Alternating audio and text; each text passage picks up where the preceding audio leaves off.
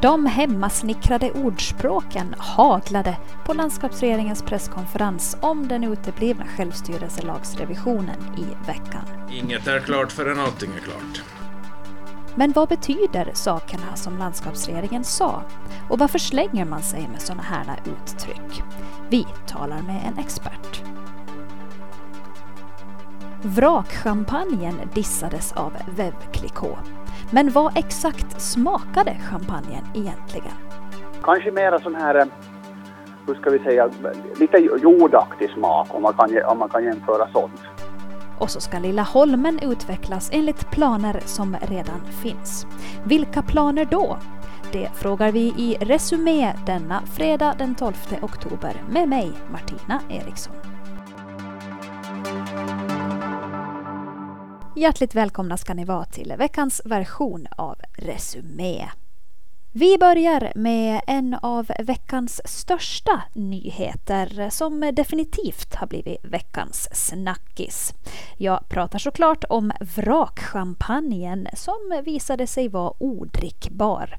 Eller inte odrickbar, utan eh, ja, osmaklig. Kulturminister Tony Assoma och landskapsregeringens tjänsteman Rainer Juslin var ner till champagnehuset Veuve Clicquot i Frankrike. Där provsmakade de olika så kallade dosager, alltså gammal vrakchampagne blandad med ny champagne. Det här har vi redan rapporterat om i veckan. Det vi inte har frågat är exakt vad de här dosagerna smakade och hur alltså vrakchampagnen egentligen smakar nu för tiden. Så vi ställer frågan till kulturminister Tony Asoma, som svarar så här. Ja, så att säga helt riktigt som du säger att det har varit rubriker om att det var odrickbart och det stämmer ju inte som, precis som du säger och, och ska vi säga att smaken om man jämför det med, med, med nya champagner så, så var ju givetvis annorlunda genom att det baserar sig på en 180-årig gammal champagne med en mycket högre sockerhalt än vad vi är med vana med i dagens, dagens värld. Så ska vi säga så att alla har vi olika smaker men det som vi associerar med champagne idag så det, det kanske inte motsvarar allmänhetens uppfattning om hur, hur champagne ska smaka. Okej, så vrakchampagnen smakar alltså inte champagne, men vad smakar den? Kan du jämföra med någonting annat du har smakat i ditt liv så att vi kan få en bild av, av vad det smakar? Ja, no, det, det är ju så att det är, när sockerhalten är så hög så det, det, det är frågan om hur man ska klassa det. Alltså champagne är ju bubbligt och, och så, men, men genom sockerhalten är hög så blir det mera liköraktigt. Att, att man, kan, man kan säga att det, det smakar en speciell sorts likör det som man blandar i men, men champagne givetvis smakar det som, som man kan tänka men det är klart en, en lite annorlunda doft så att säga och lite annorlunda smak. Och, och exakt vad det smakar på, det, det, det kan man ingen riktigt säga varifrån kommer den speciella smaken och doften. Det kunde inte heller Veuve Clicquot eh, säga eller efter sina analyser. Så det, det, det är jättesvårt att säga exakt vad det smakar men den, den smakar och, och doftar lite, lite, lite speciell så att säga som, som, som vi ansåg att kanske inte, inte folk uppfattar som att, att det här är en, en, en högklassig produkt. Mm. Ja, just det. Eh, jag, jag, förstår när man säger att någonting smakar speciellt så brukar det ju vara lite, ja, lite mm. sådär och lite mer så här likörig smak alltså. Men ni fick ju mm. smaka på fem olika sådana här dosager om jag har förstått ja. det rätt. Eh, var det någon som var mer så här, äcklig än någon annan? Nej, ingenting var direkt äckligt, det kan man inte säga för vi, vi smakade och drack ju de alla så att säga. Och, äh, kanske mera sån här hur ska vi säga, lite jordaktig smak om man kan, om man kan jämföra sånt. Det man ju, när man smakar, prov, provsmakar viner och annat, hittar man ju på alla möjliga grejer. Men kanske mera sån här lite jordaktigare smak. Men ska vi säga att, att den här, den här smaken, jordaktiga smaken, kanske lite var mera framträda i, i de som hade en högre sockerhalt. Den som hade lägre sockerhalt så var ganska mycket mer neutrala om vi säger så. Därför hade de gjort fem olika sorter med olika so lägre eller högre sockerhalt. Så, så personligen tyckte jag den som vi smakade som hade en sockerhalt på vad det 4 gram per liter så, så var den som smakade mest angenäm om vi säger så. Just det, så lite så här likörigt och lite jordigt. Ja, det låter ju faktiskt väldigt uh, speciellt. Vad sa Veuve Clicquot exakt då när ni satt där och pratade och drack de olika? Sågade de liksom vrakchampagnen så att nej, det här var inte bra? Eller vad, vad var deras kommentarer? Nej, det, har, det gjorde de inte, men, men det är klart att, att Veuve Clicquot har ju också ett varumärke som, och en viss standard när de gör sina champagner. Och, och, det är klart att de är ju, de är ju förstås eh, måna om sitt varumärke och, och vill ju ogärna göra, göra dosager som, som inte de kan stå upp för. Det är också en annan grej som inte har riktigt kommit fram här att, att, att göra champagne i champagnedistriktet har strikta regler. Och att göra en dosage så, så är inte alls säkert att vi skulle ens ha fått tillåtelse eller tillstånd av den franska staten att, att de skulle ens fått göra det. För champagne måste göras i champagnedistriktet på, på de druvorna. Sen att blanda i något annat i en champagne så är möjligt att vi aldrig har fått ens till, tillstånd att, att göra, eller de göra åt oss. Även om det hade smakat bra så hade det inte varit säkert ändå att det skulle ha blivit det, det, var, det var just det de lyfte som kommer kanske ha varit den, den absolut största, största så att säga frågan att lösa. Att, att inte dömde de ut den på något vis utan det, den, den, är, den har en unik smak som man aldrig smakat förut. Och exakt varifrån den här smaken härstammar kan, kan de inte helt enkelt härleda med, med de analyser som de har gjort där och också i, i på universitetet i Frankrike. Mm. Men, men så att säga, den, den har ett värde för framtiden just med den här smaken att, i, i, mera, i mera testmiljöer för att, för att också ha det som en, en sån här smakbas för någonting. Då kanske man kan använda det i, i, i något annat men det, det, det är en annan fråga så att säga helt. Har inte egentligen att göra då med, med, med, med champagne som ska drickas. Till sist så, så tänkte jag bara fråga sådär, mår ni bra du och Rainer? För jag har läst lite här på en sån här champagneprovningssida att man kan få vissa biverkningar om man dricker dålig champagne, att man kan få mm. tokigt i magen eh, och sådär. Hur, hur mår ni? Hörde, vi, vi, vi mår, idag mår vi jättebra och nu mådde vi bra där också, inte det frågan om det men så att säga smaken satt länge i munnen så att säga och det, det är väl det som, som karaktäriserar den här dosagen att det hade en, en lång eftersmak som, som fanns kvar och, men det påverkar nog inte vårt välmående på något vis. Tvärtom var det bubbligt och, och fint på det på alla sätt. Kulturminister Tony Assoma där som alltså berättade att vrakchampagnen och dess dosager smakade som en lite jordig likör med en eftersmak som blir länge i munnen. Mm, då var den saken utredd. Så går vi till veckans inte alls otippade. Jomala, Lämland och Lumparland säger alla ja till utbyggnaden av Kyrkby högstadieskola. Hammarlands kommun säger nej. Inte otippat på en fläck faktiskt eftersom det har blivit Hammarlands grej, alltså det här med att säga nej. Vi tittar lite på kommunens beslut i olika frågor de senaste månaderna. Säg inte nej, säg kanske, kanske, kanske En dag kan hända Sommaren 2018.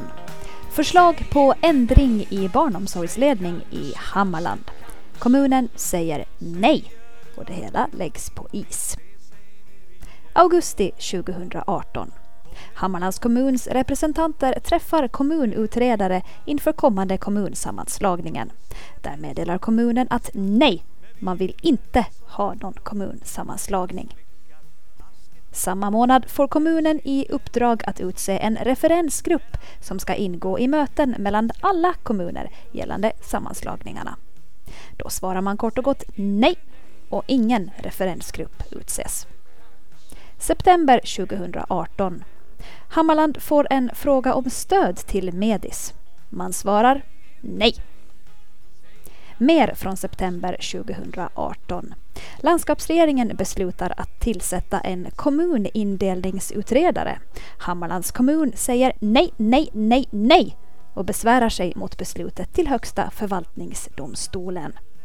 Så nu då kommunen säger nej till utbyggnaden av Kyrkby högstadium så var det alltså inte alls så otippat.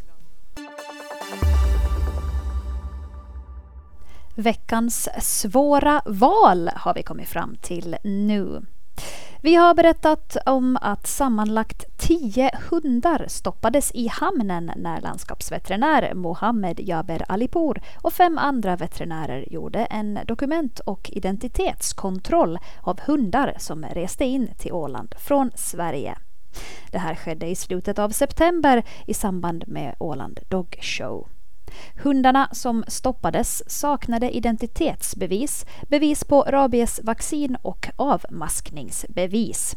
Viktiga dokument som hundar måste ha enligt EUs krav. Ägarna till de här hundarna som saknade dessa dokument ställdes då inför det svåra valet. Antingen åker du hem till Sverige nu eller så fortsätter du och reser in här på Åland. Men då kommer vi att avliva din hund. Hmm, Ja, vad ska man välja? Veckans Vi undersöker saken. En kommitté arbetar just nu med att utveckla Lilla Holmen. Ordförande i kommittén, Liberalernas Julia Burney, sa så här i våra sändningar i veckan gällande vad som ska hända med Lilla Holmen. Alltså ingenting är ju bestämt och det här är ju en kommitté som, som eh, ska ta fram då det här. Det finns liksom, jag uppfattar att det finns en ganska bred politisk vilja bland alla partier i Mariehamn att någonting ska behöva hända med Liljeholmen och det här var ju prat i många år så det finns det finns ju väldigt mycket underlag alltså från tidigare. Från, det har varit massor med kommittéer och det har varit arbetsgrupper och det har varit allt möjligt sånt. Och det här arbetet är väl egentligen det att det ganska överskrider många nämnder. Alltså det är både infrastruktur och det är stadsutveckling och det är byggnadsnämnden och alla sådana här. Och då har man ofta sådana här grupper som man liksom kan samla ihop de här idéerna och liksom förverkliga dem.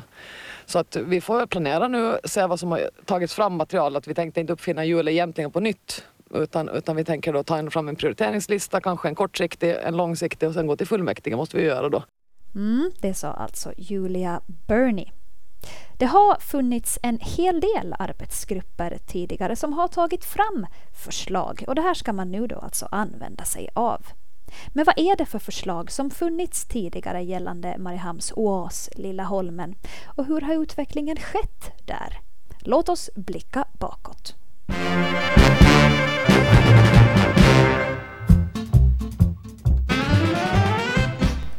Lilla Holmen förekommer faktiskt redan i den första stadsplanen för Mariehamn från 1859. Då planerades en bro från Östra hamnen som sedan byggdes 1870. 1872 byggdes det första badhuset på Lilla Holmen. På 1930-talet byggdes en fågeldamm och fler djur kommer dit. 1945 blir området en fridlyst naturpark. På 1980-talet byggs ett nytt fågelhus. Men eh, sen stannar det av lite grann. Tills 2002 då en kommitté gör ett så kallat omfattande utvecklingsförslag som går under namnet Utvecklingsplan för Lilla Holmen. Förslaget innefattar radikala idéer som att eh, fönsterluckorna på byggnaden för omklädningsrummen kan avlägsnas och man kanske kunde ställa ut någon solstol vid stranden och bygga sittbänkar runt eh, vissa trädstammar. Och det bestämdaste tycker den dåvarande Lilla Holmen-kommittén i alla fall att eh, papperskorgarna gärna skulle få vara i svart istället för grönt. Nej, vill den nuvarande Lilla Holmen-kommittén utveckla och förändra Lilla Holmen på något radikalt sätt, då måste man gå långt tillbaka i tiden. På 1870-talet fanns en odlingsplätt på Lilla Holmen där man odlade så kallade medicinalväxter till apoteken i stan. Och Lilla Holmen hade på den tiden också en kägelbana. Det vore ju något.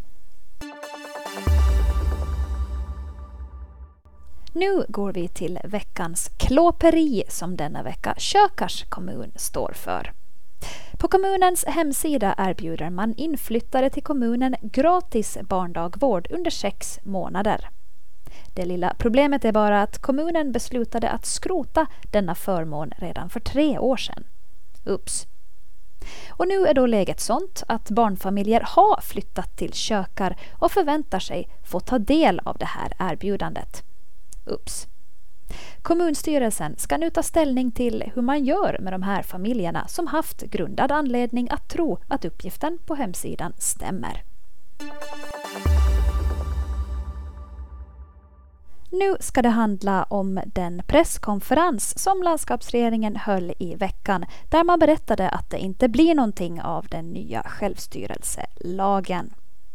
Förutom budskapet i sig på presskonferensen så slängde sig landskapsregeringen med en hel del ordspråk och uttryck. Vi ska ta och lyssna lite. Vi det här, efter de diskussioner vi har haft under de senaste veckorna menar att det här är det som vi är överens om nu. Eller vi är överens om det här. Sen får man ju alltid säga som i svåra frågor att det kan man nog lyfta fram att ingenting är klart förrän allting är klart. För att eh, det fanns ju också, det här ekonomiska systemet fanns ju också i, i Jäskinen-rapporten, Jäskinen-kommittén, arbetsgruppen och där, där har ju tjänstemännen runt, runt bordet har deltagit i det. Så att, att, men jag säger som Mats, ingenting är, är klart förrän allting är klart.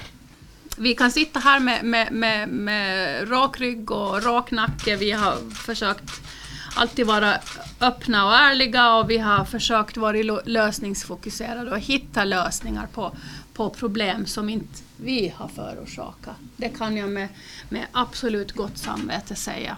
Men det, det mm. behövs två för att dansa tango, så är det. Men mot bakgrund av det jobbiga läget just nu, eh, är ni helt övertygade om att den här ekonomiska uppgörelsen håller streck genom i första hand regeringsarbetet? Det finns ju ändå ett blått parti där som inte alltid är så där väldigt Ålandstillvänt. Ingenting är klart förrän allting är klart, men... Kommer det ingen sån flashback från vindkraftsstöds som sagt, eh, inget är klart förrän allting är klart. När regeringar umgås så måste man ju man måste lita på varandra tills man inte längre litar på varandra. Och för att prata lite kring landskapsregeringens lite konstiga ordspråk som de använde sig av på presskonferensen så har vi ringt upp till retorikexperten Peter Mitschke. Hej på dig! Hej! Ja, vad säger du om de här eh, ordspråken som eh, Ålands landskapsregering använde sig av på den här presskonferensen? Till exempel, ingenting är klart förrän allting är klart. Är det ens ett ordspråk? Jag skulle nog säga att det är snarare en, en plattityd. Alltså det är väldigt innehållslöst. Det, man kan säga så här, det, uttrycket tillför ingen ny eller viktig information. Eh, så jag skulle säga att det inte är ett ordspråk utan snarare en plattityd eller en floskel skulle man kunna kalla det.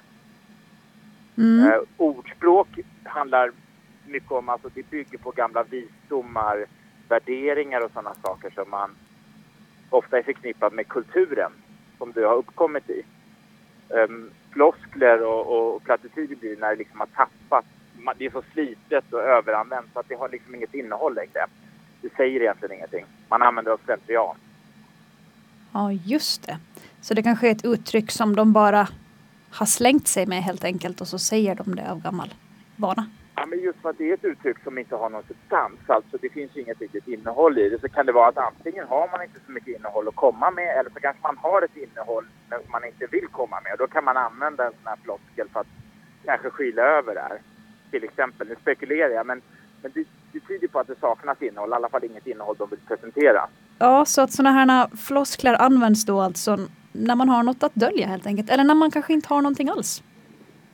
Precis, det kan väl vara antingen eller. Men om man tänker på att du tillför ingen information med i alla fall ingen värdefull information. Och då finns det också ett syfte med det. Antingen att du inte har något att säga, i alla fall inget konkret, eller att du kanske inte vill dela med dig. Att du, du kanske inte är i ett läge där du kan dela med dig. Det kan ju, alltså den bakomliggande orsaken kan ju skifta, men, men faktum är att du använder ett uttryck som inte ger någonting till mottagaren. Eh, vad säger du om eh, lantrådets uttryck ”det krävs två för att dansa tango”? Ja, det är också... Det, det, det kommer från engelskan vet jag. Det är väl ett, också ett där, det, är väl ett, mer av ett ordspråk men det är ganska så slitet. Men det säger väl någonting om att, att båda parter måste vara med. Det beror också på sammanhanget man säger det i såklart. Eh, men det, det, det, tycker jag känns mer okej. Okay. Det kan i vissa sammanhang vara, vara relevant att säga det. de, om man jämför med det här första du sa, det, det saknar verkligen innehåll. Finansministern uh, sa riktigt på slutet av presskonferensen man måste lita på varandra tills man inte längre litar på varandra.